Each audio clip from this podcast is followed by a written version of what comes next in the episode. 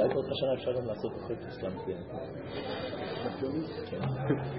שלום לכולם, שבוע טוב ומבורך. אנחנו בעזרת השם נשתדל להשלים הערב את הסוגיה של אה, תגלחת הנזיר וכל ענייני גילוח ביתר ומה שמסתעף מהם, התחלנו לדבר בזה ביום שישי, נשתדל עכשיו בעזרת השם אה, להשלים את הסוגיה. ביום שישי למדנו כאן בדף מ' בדף מ' עמוד ב' את המשנה במסכת מכות, המשנה שבה נחלקו רבי אליעזר וחכמים האם איסור גילוח הוא דווקא ביתר או בכל דבר, והזכרנו את המחלוקת הגדולה בין הראשונים, בין הרמב"ם לבין הראש, שתי הדעות גם הובאו בשולחן ערוך, האם המחלוקת הזו בין התנאים מדברת אך ורק על איסור השחטת הזקן, שלדעת חכמים זה דווקא ביתר, ואילו לפי רבי אליעזר זה גם בדרכים אחרות, אבל איסור הקפת הראש קיים בכל מקרה, או שאותה מחלוקת עצמה קיימת גם לגבי איסור הקפת הראש. בתוך דברינו הערב, בגמרא כאן דף מ"א עמוד ב', אנחנו נחזור למחלוקת הזאת ולהוכחה לכאורה די מפורשת מן הסוגיה שלנו בהקשר הזה, אבל לזה נגיע עוד מעט.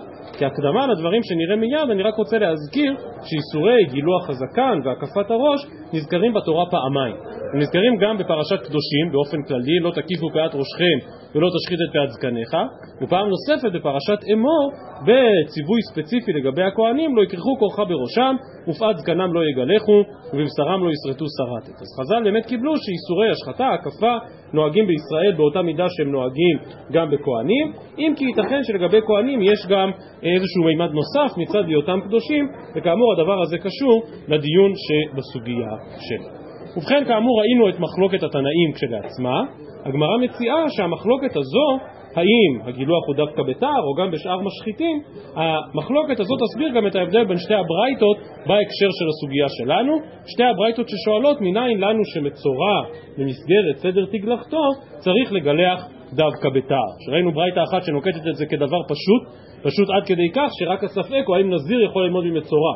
אבל מצורע ודאי חייב לגלח בתער, בעוד שברייתא אחרת מתלבטת מי בכלל אמר שמצורע צריך לגלח בתער. דהיינו לברייתא השנייה זה היה פשוט לגבי נזיר, זה פשוט לגבי תגלחת הלוויים, אבל צריך לעשות איזשהו מה הצד שגם עליו יש פרחה, כדי ללמד שמצורע באמת מחויב לגלח בתער, וכאמור, לכאורה הברייתות האלה ממש סותרות זו את זו. אחת מקבלת כדבר פשוט שמצורע חייב לגלח בתער, והשנייה בכלל לא מקבלת את זה ומחפשת אחר מקור להלכה הזו. אז איך יכולה מחלוקת התנאים במסכת מכות, המחלוקת לגבי גילוח בתער, לבאר את הסתירה בסוגיה שלה? אז כאמור זה קצת באמצע העניין וזו הנקודה שבה עצרנו ביום שישי.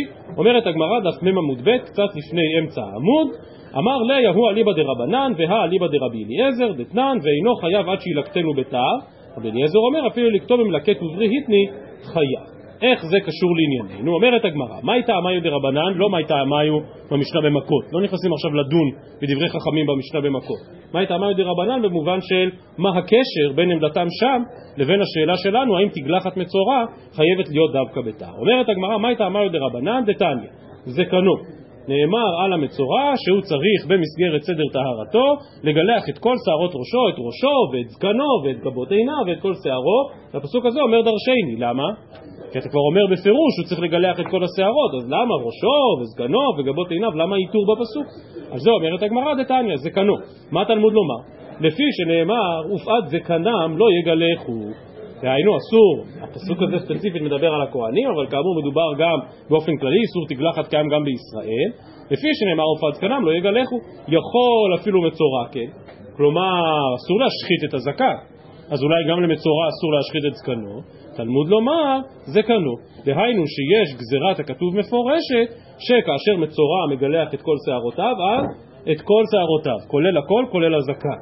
ומנלן שהמצורע עושה את זה בתער, עכשיו רק נסביר, אם יש גזירת הכתוב שאומרת שמצורע יכול לעשות את זה, משמע שתגלחת מצורע חייבת להיות דווקא בתער. למה?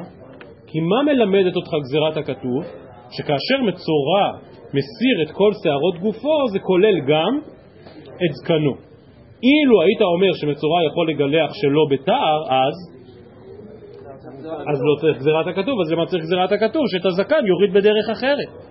ומנהלן דבתר, כלומר מי אמר לנו שאיסור השחטת הזקן הוא רק בתר ולא בדרכים אחרות, שזה דעת החכמים באותה משנה במכות, דתניא ופאת זקנם לא יגלחו, יכול אפילו גילחו במספריים יהיה חייב, תלמוד לומר ולא תשחית, יכול לכתוב עם לקט ובראיתני שזה סוגים שונים של מספריים יהיה חייב, תלמוד לומר ופאת זקנם לא יגלחו, הכיצד? איזהו גילוח שיש בו השחתה, הווה אומר זה תער. כלומר הדרך היחידה לדעת החכמים שאוסרת להסיר את הזקן, כל עליו דאורייתא הוא אך ורק בגילוח בתער. ובכן, אם צריך גזירת הכתוב מפורשת, שתלמד שגם מצורע מותר לו להסיר את זקנו, על כורחנו שאיך מצורע מסיר את זקנו? בתער. כי אילו היה מותר למצורע להסיר את זקנו בדרכים אחרות, אז, אז לא צריך גזירת הכתוב. לא צריך שום גזירת הכתוב. איסור השחטת זקן זה רק בתער. מצורע יכול להסיר את שערותיו גם בדרך אחרת, ולכן לא צריך גזירת הכתוב. מזה שחכמים דורשים גזירת הכתוב מיוחדת והיא מתאימה לשיטתם באותה משנה במכות במחלוקת עם רבי אליעזר שהסר... שאיסור השחטת הזקן הוא דווקא בתער. מכאן שחכמים נוקטים כדבר פשוט שתגלחת מצורע חייבת להיות דווקא בתער. ובכן הברייתא הראשונה, זו שאמרה כדבר פשוט שמצורע מגלח דווקא בתער, הברייתא הזאת מתאימה לדעת חכמים. כי הנה אתה רואה שחכמים באמת נוקטים כדבר פשוט שמצורע חייב לגלח בתער ובגלל שזו סברתם הם צריכים, הם צריכים למצוא גזירת הכתוב שמותר למצורע להשחית את זקנו אף על פי שבדרך כלל אסור לגלח את הזקן בתער זה מה שרצינו להוכיח. שואלת הגמרא רגע אבל ההוכחה עדיין לא חד משמעית וממאי? דילמה לעולם אפילו לכתוב במלקט וברהיטני נמי מצווה כאבית מצורע באמת יכול להסיר את זקנו לאו דווקא בתער והא, למה בכל זאת צריך גזירת הכתוב? והא קעת אליה שמועינן, ואפילו בתער לא מחייב עליה. כלומר באמת המצורע תסיר את שערותיך איך שאתה רוצה, העיקר שתהיה בלי שערות, כמו איזושהי לידה מחדש, המצורע יוצא לדרך חדשה. תעשה את זה איך שאתה רוצה. הפסוק רק מלמד שאתה יכול גם על ידי תער. רגע, אבל אם אתה עושה את זה בתער, אז יש בעיה של השחטת הזקן? לא, אין בעיה של השחטת הזקן. כלומר חכמים מצד אחד צריכים גזירת הכתוב ללמד שמותר למצורע להשחית את זקנו, מותר, למרות שזה בתער, ותער זה ודאי איסור דאורייתא, ובכל זאת מותר למצורע, אבל זה לא אומר שזו הדרך היחידה.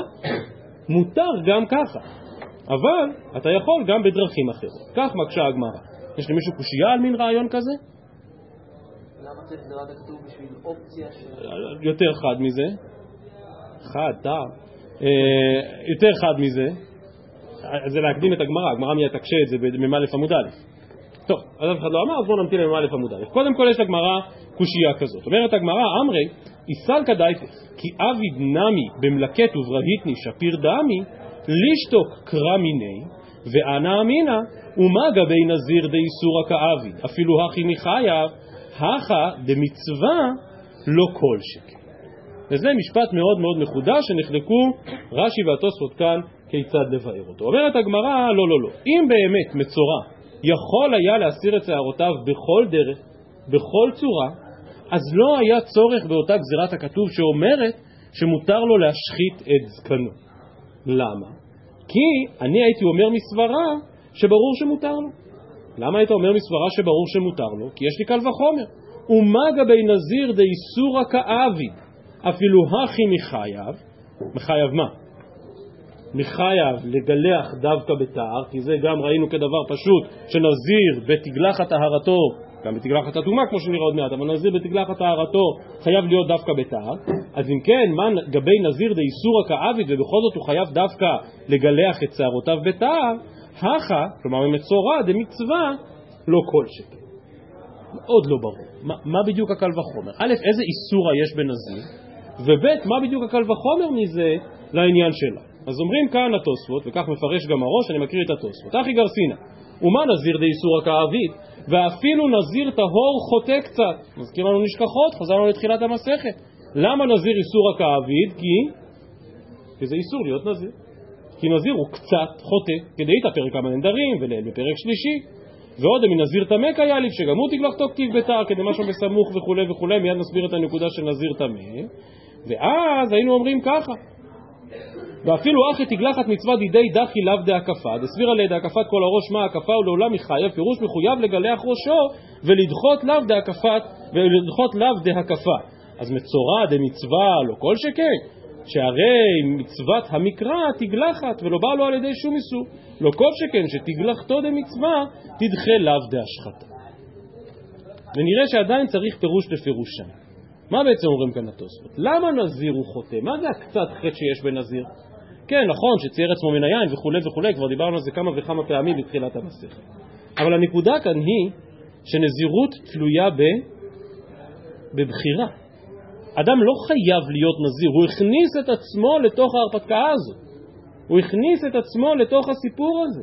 עכשיו, ברגע שהוא קיבל על עצמו נזירות, מה יקרה בסוף התהליך? גם אם הכל יהיה בסדר והוא לא יטמע וכולי וכולי, מה יקרה בסוף התהליך? הוא יצטרך לגלח את שערותיו? הוא יצטרך לעשות את זה דווקא בתער ולהקיף את פאת ראשו, למרות שהקפת פאת הראש זה איסור? אז אם במצב כזה, כאשר איסורה כאבי, כלומר הנזיר הכניס את עצמו לאיזושהי, כמו שאמרתי, איזושהי הרפתקה בכלל לא מחייבת מבחינה הלכתית, הוא פתאום החליט להיות נזיר, ובכל זאת יוכל להקיף את ראשו בתער בסיום הנזירות, אז מצורע, זה לא שיש מצווה להיות מצורע, אבל, אבל לא בחרתי בזה, לא רציתי בזה. כלומר, אם התורה מאפשרת לבן אדם לקבל נזירות, ובסוף הנזירות גם לגלח את שערותיו בתער, אז קל וחומר שהדבר מותר במצורע שלא בחר בצרעת שלו. ולכן גם אם לישתוק קרא מיני, גם אם לא היה כתוב שום דבר, הייתי מגיע לאותה מסקנה. כך מהלכם של התוספות. הראש בפירוש השני שלו מחדד עוד יותר משהו שרמוז גם בתוספות, וזה שהדגש הוא על נזיר טמא. עכשיו, כמו שראינו, נזיר טמא בוודאי נקרא חוטא, ובכל זאת יש עליו מצווה לגלח בתער. אז אם נזיר שאיסור הכאבית בכל זאת לגלח בתער, קל וחומר מצורע שלא עבר שום עבירה. ואני חושב שוב שלפי דברינו הדגש הוא לא בהבחנה בין טמא לטהור, אלא בעצם זה שהקפת הראש של הנזיר זה משהו שאדם הכניס את עצמו לתוכה מיוזמת. המפרש כאן מסביר באופן שונה לחלוטין. הוא כותב המפרש, תראו, סוף אה, מ' עמוד ב', ומה אגבי נזיר דאיסורא כאביד כי מגלח בתער בתוך ימי נזירות. אפילו הכי מחייב כי לקטן במלקט וברהיטני כדאמרינן לאלה רבות כל המעבירים. אז הכא דכי מגלח מצווה כאביד כי דכתיב וגילח את כל שערו לא כל שכן שבכל דבר מותר לגלח ואפילו בתער. מישהו יצטרך להבין מה כתוב פה? מה המפרש בעצם אומר? מה הקל וחומר? הקל וחומר הוא מעבירה למצווה. כלומר, נזיר שמגיע פה, לפי התוספות, על איזה תגלחת נזיר אנחנו מדברים? על תגלחת נזיר שבסוף הדרך, על תגלחת הטהרה. אבל המפרש כאן אומר, לא, לא, לא, לא, אנחנו מדברים על, על, על, על איזה תגלחת של נזיר, הזכרתי את זה ביום שישי, שלפעמים, לא, גם לא טומאה. לפעמים כשאני אומר תגלחת נזיר, הכוונה התגלחת שהוא צריך לגלח בסוף נזירותו. לפעמים כשאני אומר תגלחת נזיר, למה הכוונה? ללאו דאורייתא שמוטל עליו שאסור לו לגלח. ובכן, וזה מה שביררנו באריכות ביום שישי ואפילו קצת ביום חמישי, האיסור על נזיר להסתפר תוך כדי נזירותו הוא דווקא בתער? מחלוקת תנאים, אבל הדעה הרווחת בסוגיה היא שלא, שאסור לו בכל דבר, אסור לו גם אם לקט וראיתני. ולכן, אם נזיר שכשהוא מגלח בתער בתוך ימי נזירותו, אבל בכל זאת הוא אסור גם בדברים אחרים, אז בתגלחת מצווה, קל וחומר, שמותר לגלח גם בתער. ועדיין זה יוצא קל וחומר מאוד מאוד מחודש. כמו שאמרתי, קל וחומר מעבירה למצווה. אם פעולה מסוימת כלולה בעבירה, קל וחומר שאותה פעולה עצמה כלולה במצווה. עכשיו שוב, הדרך היחידה, לעניות דעתי, להסביר את הדבר הזה שהוא מאוד מחודש, והאחרונים כאן מעירים על זה, אז יש משפט שרבו של וייס חוזר עליו מדי פעם ואומר שמבחינה רעיונית, רוחנית, ערכית, אין לך דבר יותר רחוק מאשר מצווה ועבירה. כל ביטוי, כל סופרלטיב שתשתמש בו לא יסביר כמה מצווה ועבירה הם שני דברים שכל כך רחוקים אחד מן השני. אבל מבחינת ההגדרות ההלכתיות ומצד כל מיני פרטים הלכתיים, מצווה ועבירה זה דברים מאוד קרובים. ואם מצאת הגדרה מסוימת שנכונה בעבירה, אתה יכול להגיד את זה גם במצווה. למשל ענייני דבר שלא מתכוון, מתעסק וכולי וכולי, עוד כל מיני דברים מן הסוג הזה. דהיינו, באמת מצווה ועבירה יש איזשהו קשר מסוים ביניהם. וזה כנראה מה שהמפרש כאן מבין.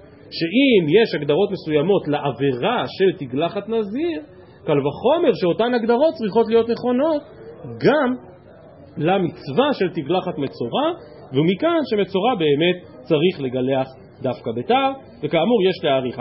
המאירי הולך בדרך הזאת של רש"י, אבל מסביר קצת אחרת, והמאירי כותב, ומה בנזיר שיש עליו איסור גילוח בתוך זמן הנזירות, הותר לו בסוף הנזירות בתער, אז מצורע שלא היה בו איסור גילוח, כל שכן שהותר לו בתער, זה כבר מהלך אחר.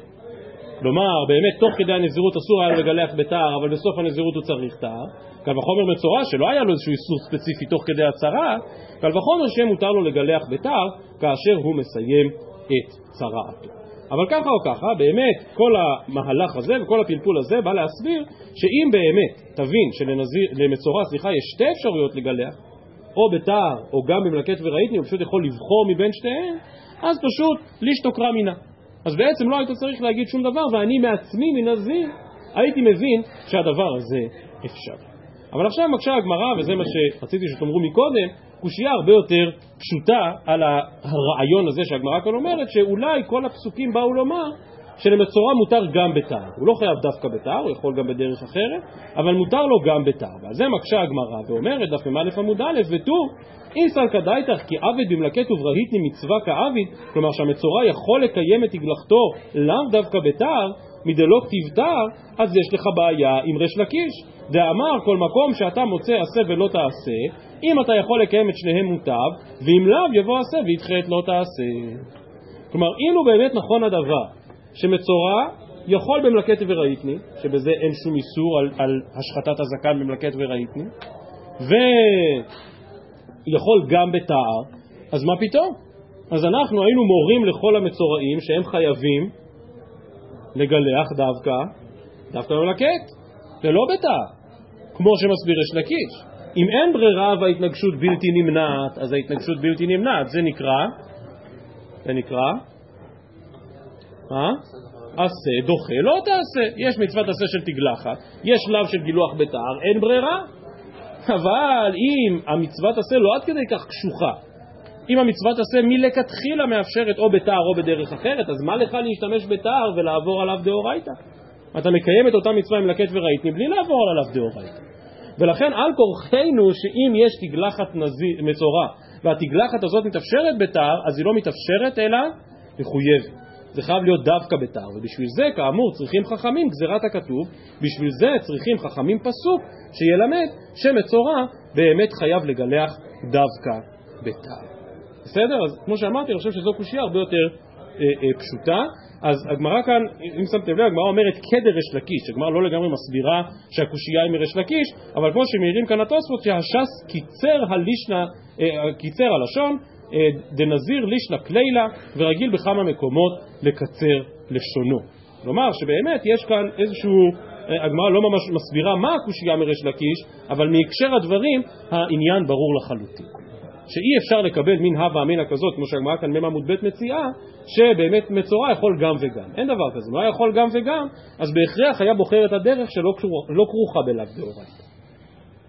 ומכאן שאין גם וגם, מכאן שיש רק דרך אחת, והיא הדרך של תער, ומכאן למדו חכמים שתגלחת מצורע חייבת להיות דווקא בתער, ולכן צריך להתיר לו לגלח גם את זקנו, אף על פי שמדובר על גילוח מחויב שיהיה דווקא בתער. זה מה שרצינו להוכיח, ומכאן שחכמים במשנה במכות, שסבורים שאיסור השחטת הזקן היא דווקא בתער, ממילא מסיקים שתגלחת מצורע חייבת להיות דווקא בתער. דבר פלפול נחמד למוצאי שבת. רואים שיש כאן הערה בגיליון הש"ס של רב קיבא איגר, זה הקושי שלומדים בשבת, אני מעיד על עצמי, אני לא מכיר את כל התשובות בשו"ת שגתריה, ורב קיבא איגר כאן מציין בתשובה אחת של השגתריה. אתה יושב בשבת, אין מחשב, אתה צריך לנסות לנחש ולשער מיד נמצאת שבת, אז פתחתי את המחשב לראות מה כתוב שם בשגתריה, אני לפחות לא זכרתי, ואני חושב שגם השגתריה וגם רב קיבא איגר באמת ידועים בעם ישראל לדורותיו, ואולי מתבלטים כמעט יותר מכל האחרונים האחרים באיזושהי עמקות העיון ועמקות הלימוד, ובאמת יש כאן איזושהי נקודה מאוד מאוד מבריקה. אני לא חושב שרב קיבא איגר הכיר ראשית את השגתריה, השגתריה נפטר כשרב קיבא איגר היה סביב גיל הבר מצווה, פחות או יותר, אז לא יודע אם היה להם קשר ממש, אבל כאמור רב קיבא איגר כאן מציין לאותה תשובה של השגסריה. אז במה דברים אמורים? השגסריה בסימן צדיו נשאל האם אדם יכול לצאת ידי חובה במצה זוכרים שהם שואלים ודורשים שלא ישים יום קודם הפסח, זה מתחיל השבוע, בפורים צריך להתחיל ללמוד הלכות פסח. אז נשאל השגס אריה, אדם שיש לו רק מצה של איסור, נניח מצה שהכינו אותה מאיסור חדש, או מאיזשהו איסור אחר, האם מותר לאכול מצה כזאת בליל הסדר? מה הסברה, על פניו ברור שלא, מה הסברה להגיד שכן? עשה, דוחה לא תעשה, מצוות עשה של בערב תאכלו מצות, לכאורה דוחה איסור חדש, או דוחה לאו דאורייתא אחר. זו השאלה שנשאל רב אה, שנשאל השגסריה, ובאריכות עצומה או פלפול גדול דן בשאלה הזאת. לא ניכנס כאן לכל הסבך שלו שם. מה רוצה השגסריה להוכיח מהסוגיה שלנו, כנראה כל כך מצא חן בעיני רב קיבא איגר ולכן הוא מציין את זה. אומר השגסריה, מהגמרא שלנו ומהאופן שבו הגמרא מצטטת את ריש לקיש, באמת למדנו יסוד גדול. אני קורא את דבריו. ואף על פי שלכאורה פרק ו' דנזיר לא משמע אחי דאמר שם, איסא כדאי תחכיהו ומקט וראיתי מצווה כאביד מלא כתיב קר כדרש לקיש. דאמר כל מקום שאתה מוצא וכולי וכולי מה שראינו בגמרא. ואם כן, אם אי אפשר לגלח בתער ולדחות לאו דגילוח זקן, והבמצי למימר לזקנו דכתב רחמנא להתיר מצורע בגילוח זקן. ומאי קושיא? דילמה זקנו עתי להתיר איכא דאין לו אלא תער. כלומר, מה הגמרא אמרה? שאי אפשר להבין שמצורע יכול לגלח בשתי דרכים, או בתער או במלקה. למה זה לא טוב? כי אם אתה יכול בלי איסור, אז למה לעשות את זה בדרך של איסור? אומר השגסרי, רגע, אני אגיד לך למה. כי מה יקרה אם יש מצורע כזה שבא לתגלחת שלו בסוף הנזירות והוא אומר, אין לי מלקט, יש לי רק תער. אז מצד אחד מוטלת עליה עכשיו מצווה של תגלחת מצורע, נכון? מצד שני, אין לי דרך אחרת לגלח אלא רק בתער, אז מותר או אסור? מותר או אסור? אומר השגסרי, מזה שהגמרא לא נכנסת לכל הפלפול הזה, משמע שמה? שבמצב כזה מה היה צריך להיות הדין? שמותר או אסור? שאסור. למה אסור?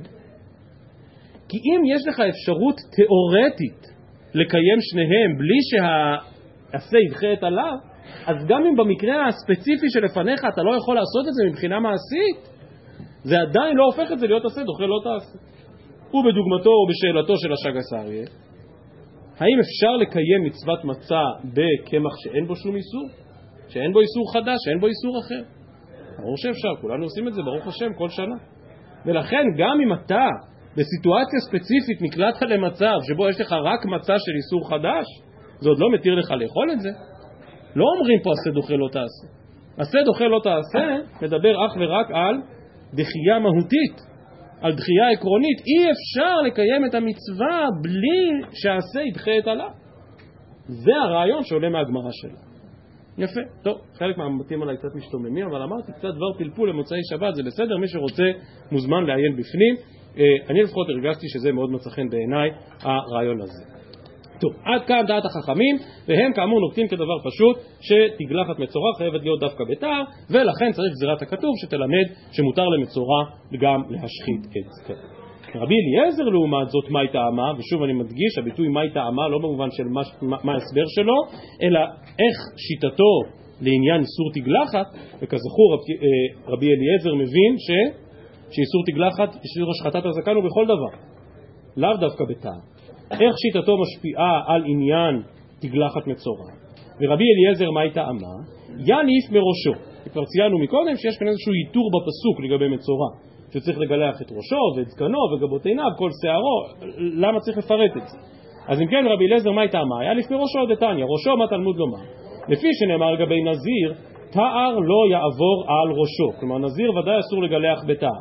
יכול אף נזיר מצורע כן, כלומר, מה קורה אם נזיר יצטרע? האם מותר לו בסדר טהרתו לגלח את שערותיו בתער? תלמוד לומר, אומר רב קיבאי, או, רב קיבאי נכנסתי כל כך חזק לראות, תלמוד לומר, אומר רבי אליעזר, ראשו. כלומר, הנה אתה רואה שיש גזירת הכתוב מיוחדת שמלמדת, שבאמת הנזיר שנצטרע, מותר לו לגלח את שערותיו בתער. זה המקור לרבי אליעזר לכך שתגלחת מצורע חייבת להיות דווקא בתער. בניגוד לחכמים שהבינו שזה מובנה בפסוק, רבי אליעזר לא מבין שזה מובנה בפסוק, אז נלמד מנזיר, מזה שיש גזירת הכתוב מיוחדת, שאומרת שגם נזיר מצורע צריך לקיים דיני צרעת ולגלח את כל שערות ראשו, מכאן שתגלחת הנזיר היא דווקא בתער. ותגלחת המצורע, סליחה, היא דווקא בתער. אבל לא במקרה התבלבלתי, אומרים כאן כל הראשונים, רגע, לא הבנו, אבל אנחנו פוסקים להלכה שתגלחת נזיר או איסור גילוח לנזיר, הוא בכל דבר, הוא לא רק בתער, על כורחנו להבין שרבי אליעזר נוקט כמו רבי יונתן, כמו שמעירים כאן הראשונים. מה שרבי אליעזר מבין שהאיסור על תגלחת נזיר הוא דווקא בתער. אז יש גזירת הכתוב מפורשת שאומרת שאם הנזיר נצטרע, מותר לו לקיים תגלחת צרעת, למרות שהוא נזיר, ובשביל זה צריך גזירת הכתוב מיוחד. מכאן למדנו שתגלחת מצורע חייבת להיות דווקא בתער, ולכן נדרשה אותה גזירת הכתוב ללמד שגם נזיר מצורע מותר לו לקיים סדר טהרתו. שוב מקשה הגמרא אותה קושייה מקודם, וממאי? דילמה לעולם אפילו לכתוב מלקט ובראיתי מצווה כאביד, כלומר מצורע כן יכול להשתמש גם במלקט, לאו דווקא בתער. וכי תימא תער למה לי?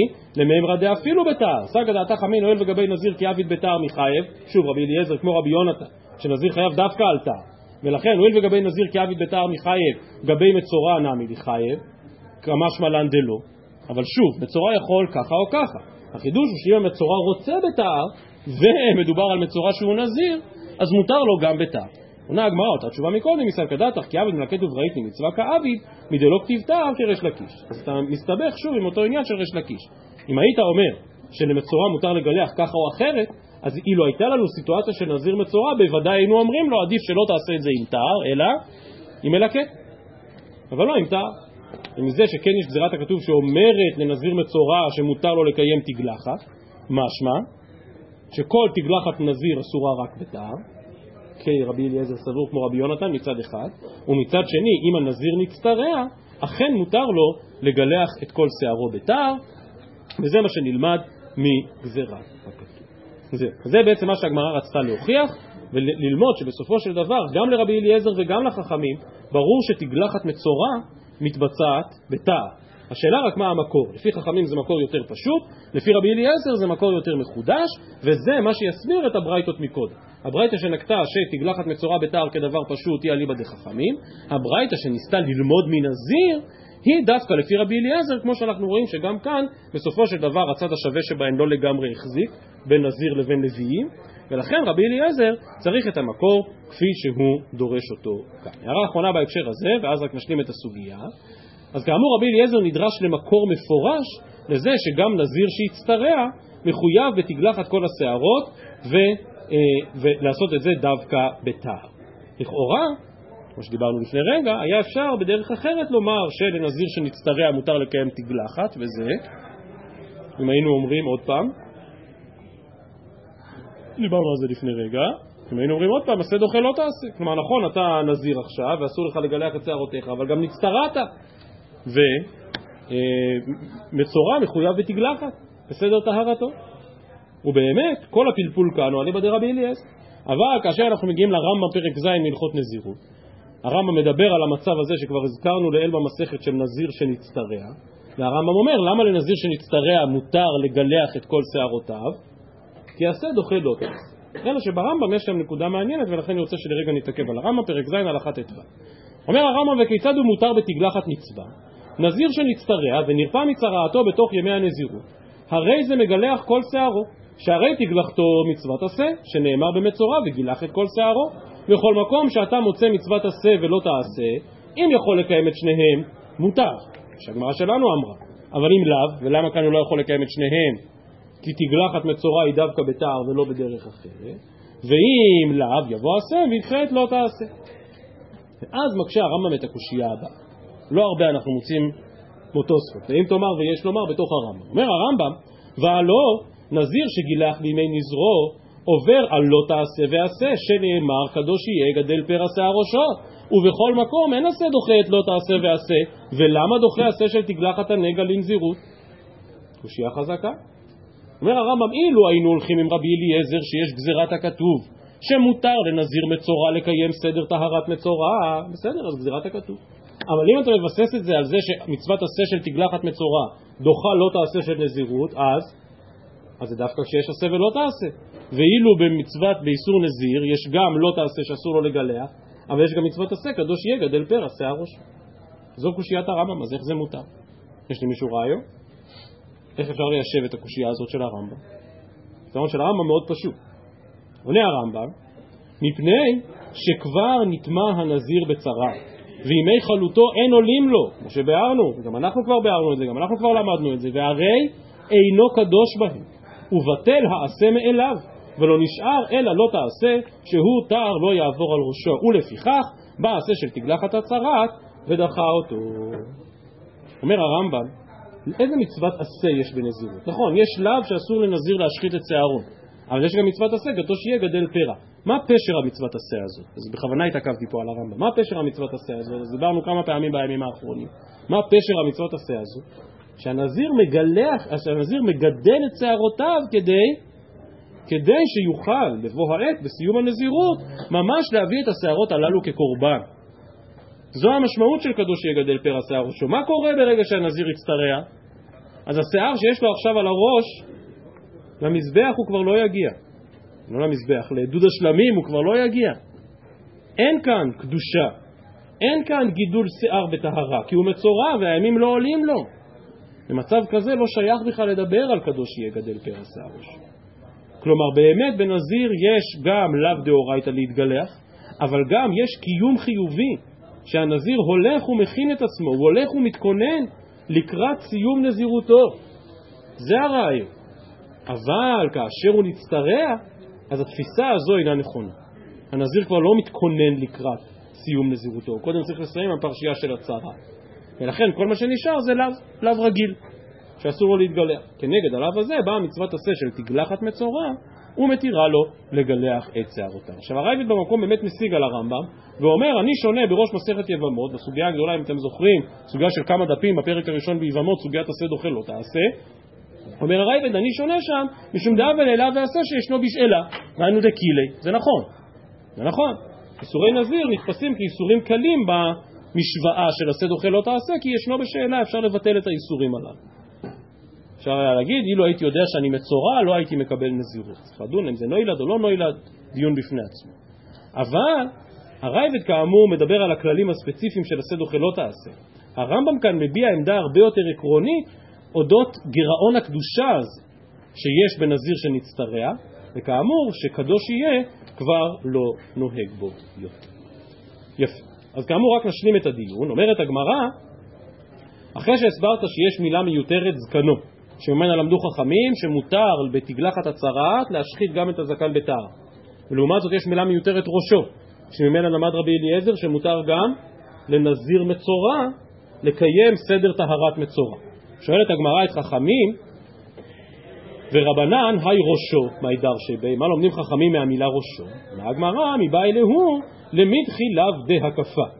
כלומר, קודם כל מהמילה זקנו למדו חכמים שמותר לו להשחית את זקנו בתער, ועכשיו מהמילה ראשו לומדים שלמצורע בסדר טהרתו מותר להקיף פאת הראש. דתניא, לא תקיפו פאת ראשכם, אסור לאדם להקיף את פאת הראש, להשחית את פאותיו. יכול אף מצורע, כן? תלמוד לומר ראשו. ואם כן, גזירת הכתוב אחת מלמדת שמותר לו להשחית את הזקן, גזירת הכתוב שנייה מלמדת שאסור לו להקיף פאת הראש. אומרת הגמרא, ולמה לי למכתב ראשו? ותיפוק ליה מזקנו, דתניא זקנו, מה תלמוד לומר? לפי שנאמר עופת זקנם לא יגלחו, יכול אף מצורע, כן, תלמוד לומר זקנו. זה מה שלמדת מקודם. שמצוות תגלחת המצורע דוחה איסור השחטת הזקן. ואם כן, למה לי למכתב ראשו ולמה לי למכתב זקנו? עונה הגמרא צריך. די כתב רחמן הזקנו ולא כתב ראשו, הווה אמינא הקפת כל הראש, לא שמה הקפה. הזכרנו את זה ביום שישי, מה זה איסור הקפת הראש? מה משמעותו? לחתוך את הפאות ו... ולהשאיר את השיער למעלה. תספורת שלצערנו היום היא די פופולרית, אבל זה בדיוק האיסור של הקפת הראש. שמשחיתים את הפאה ומשאירים שיער למעלה. אבל הייתי חושב שמי שלגמרי מספר את כל שערות ראשו, מי שעושה קרחת מלאה, הוא לא הקיף את הראש. שוב, מה זה הקפת הראש? אני מזכיר את הרמב"ם שאמר שכך היה מנהגם של עובדי כוכבים, כנראה במשך מאות בשנים, אנחנו מכירים תמונות כאלה, שכך היו מסתפרים. לא לחינם הם נקראו גלחים בעגה היהודית לאורך הדורות. אבל זה רק כאשר נשאר שיער בראש ומקיפים אותו מסביב. כאשר עושים קרחת לגמרי, אולי בזה אין איסור? לכן אומרת הגמרא, צריך, די כתב רחמנא רק זקנו ולא כתב ראשו, הווה אמינא הקפת כל הראש לא שמה הקפה.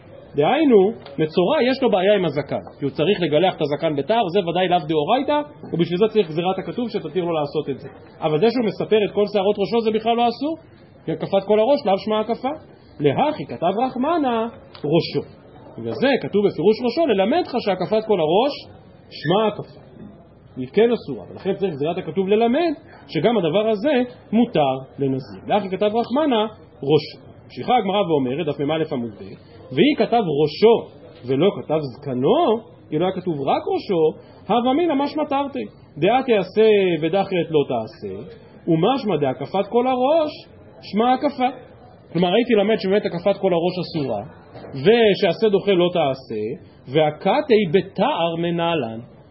אני מזכיר שוב, מה למדו חכמים מהמילה זקנו? שתגלחת מצורע חייבת להיות דווקא בתער. איפה יש בעיה בתער? בהקפת הראש או בזקן? דווקא בזקן. ולכן אם היה כתוב רק ראשו, אז הייתי אומר, אני יודע שהקפת כל הראש מה הקפה. מצד שני יש עשה דוחה לא תעשה ראשו שמתיר לו להקיף פאת הראש, אבל אני עדיין לא יודע מניין שבתער. לאחי כתב רחמנא זקנו כדי ללמד לא רק שנזיר, לא רק שמצורע בסוף צרעתו צריך להסיר את כל שערותיו, אלא הוא צריך לעשות את זה דווקא בתער. כך לומדים החכמים. ועכשיו אני חוזר למחלוקת שדיברנו בה ביום שישי והזכרתי מקודם, מה מוכח להדיא מהגמרא שקראנו עכשיו? שאיסור הקפת הראש הוא דווקא בתער או בכל דבר? מפורש כאן בגמרא שבכל דבר. זה ממש מפורש בגמרא. הגמרא אומרת, אם היה כתוב רק ראשו, אז הייתי אומר, כן, אסור לו להקיף את, את כל פאת ראשו, וזה עשה דוחה לא תעשה, אבל עדיין לא ידעתי שזה בתער. רגע, אם אתה לא יודע שזה בתער, אז אין גם איסור על הקפה. על כורחנו שמה שכתוב כאן בגמרא זה שאיסור הקפת הראש הוא לא רק בתער, הוא בכל דבר. כותבים התוספות כאן, והקתי בתער לא ידעינן שיהיה גילוח דמצורע דווקא בתער, שהרי הקפת פאת הראש חייב אפילו במספריים שלא בתער, שלא הוזכר תער בקרא, אלא לא תקיפו סתם. וכך הוא גם בראש כאן לפנינו. והראש כאן הגדיל לעשות והזכיר את התוספתא במכות שכבר הזכרנו ביום שישי, שרבים אומרים שהיא המקור של הרמב"ם. והראש לשיטתו בראש במכות, כך הראש בפירוש כאן לפנינו, ממש רואים שזה ממש כמעט מילה במילה כמו הראש במסכת מכות. אומר הראש, הנה, גם מהגמרא כאן מוכח שאיסור הקפת הראש זה לאו דווקא בתער, אלא בכל דבר. אה, מה תעשה עם התוספתא שאומרת שאיסור הקפת הראש זה דווקא בתער? התשובה, כאין תער. כך תרץ הראש במכות, וכך מתרץ הראש גם לפנינו. ובכן, סוגתנו אכן הוכחה גדולה במחלוקת הזו בין הראשונים. מוכח מכאן שאיסור הקפת הראש הוא בכל דבר, אבל לאו דווקא בתער. אז מה יענה הרמב"ם? אז המאירי, המאירי לא נמצא כאן בדף מ"א עמוד ב', אלא בסוגיה בדף מ' עמוד ב', והמאירי רוצה לסנגר על, על, על דעת הרמב"ם ועל השקפת הרמב"ם, ואומר המאירי, ומכל מקום לדעתנו, אף על פי שלביאור הסוגיה אתה צריך לפרש כאן בסוגיה זו, אני מסכים איתך בשקלא וטריא כאן בדף מ"א עמוד ב', לעניין פסק אינה אלא, סליחה, לעניין פסק אינה. כלומר זה לא נכון הלכה למעשה, אלא אין איסורה אלא בתער כשל זקן. כלומר גם אם תוך כדי השקלא וטריא יש איזשהו שלב שמשמע ממנו הוכחה חותכת, ההוכחה הזו אינה מחייבת הלכה למעשה. וזה כלל גדול שרואים אותו במאירי וגם בעוד ראשונים בעוד סוגיות שהוכחה שאתה מביא ממהלך השקלא וטריא, מהקושייה, מהתירוץ, לא בטוח שאפשר לסמוך על זה הלכה למעשה. בטח לא כאשר יש לך תוספת המפורשת שאומרת שאיסור הקפת הראש הוא בתער בדיוק כמו איסור השחטת הזקן. אז שוב, הראש, התוספות לשיטתם בסוגיה במכות לומדים גם מן הגמרא שלנו, ובכל זאת המאירי מיישב מה גם דעתו של הרב. שואלת הגמרא, שאלה אחרונה, והיא ורבי אליעזר דעת יעשה ודחי את לא תעשה מנהלי. הרי יצא לנו כאן, נולד לנו כאן לפי חכמים שיש מקור חדש בסוגיית עשה דוחה לא תעשה. מניין שעשה דוחה לא תעשה? מזה שמותר למצורע בסוף תגלחתו להקיף את הראש, להשחית את הזקן, זה המקור לעשה דוחה לא תעשה. אבל רבי אליעזר שלא לומד ככה אז עשה דוחה לא תעשה מנהלי, עונה הגמרא, הוא חוזר אל המקורות הקלאסיים של עשה דוחה לא תעשה, הזכרנו מקודם את הסוגיה ביבמות, יליף מגדילים, דתניא לא תלבש תעטנז, הגדילים תעשה לך מהם. כלומר, בכלאיים וציצית, אתה באמת רואה שמצד אחד יש איסור כלאיים, ומצד שני, כדי לקשור חוט צמר בבגד פשתן, הרי שמותר לעבור על איסור כלאיים, ומכאן לומד רבי אליעזר שאכן עשה דוחה לא תעשה. זהו, אנחנו סיימנו בדיוק את הדף של הערב. נעמוד בזה, חשבתי אולי להגיע עד המשנה, אבל קצת, קצת נתארכו הדברים, אז נדחה את זה למחר. מחר יש לנו בעזרת השם להשלים כאן את הגמרא ולראות את המשנה הבאה שעוד עוסקת בענייני תגלחתו של הנזיר, ולאחר מכן נעבור אל העניין הבא, על נזיר שהיה שותה יין כל היום, אמרו לו אל תשתה, אל תשתה, וכן הלאה זו הדרך, משהו שכבר מתחיל קצת יותר לקרב אותנו בפורים, אבל uh, כמו שאמרתי, יש עוד זמן עד פורים, בסדר? ולכן בכוונה קצת התעכבנו הערב על דברי למדנות ופלפול, אתם יודעים שאנחנו לא עושים את זה כאן הרבה, אבל מדי פעם גם זה חשוב בכל עת ובכל שעה ואדרבה, כדי שנזכה לשמחת פורים, ליהודים הייתה אורה זאת תורה, אז צריך שתהיה תורה. אז אה, בפורים מתוועדים ושמחים ושותים ורוקדים, אבל עד אז צריך להמשיך ללמוד ברצינות ובהתמדה. שבוע טוב ושמח לכולם.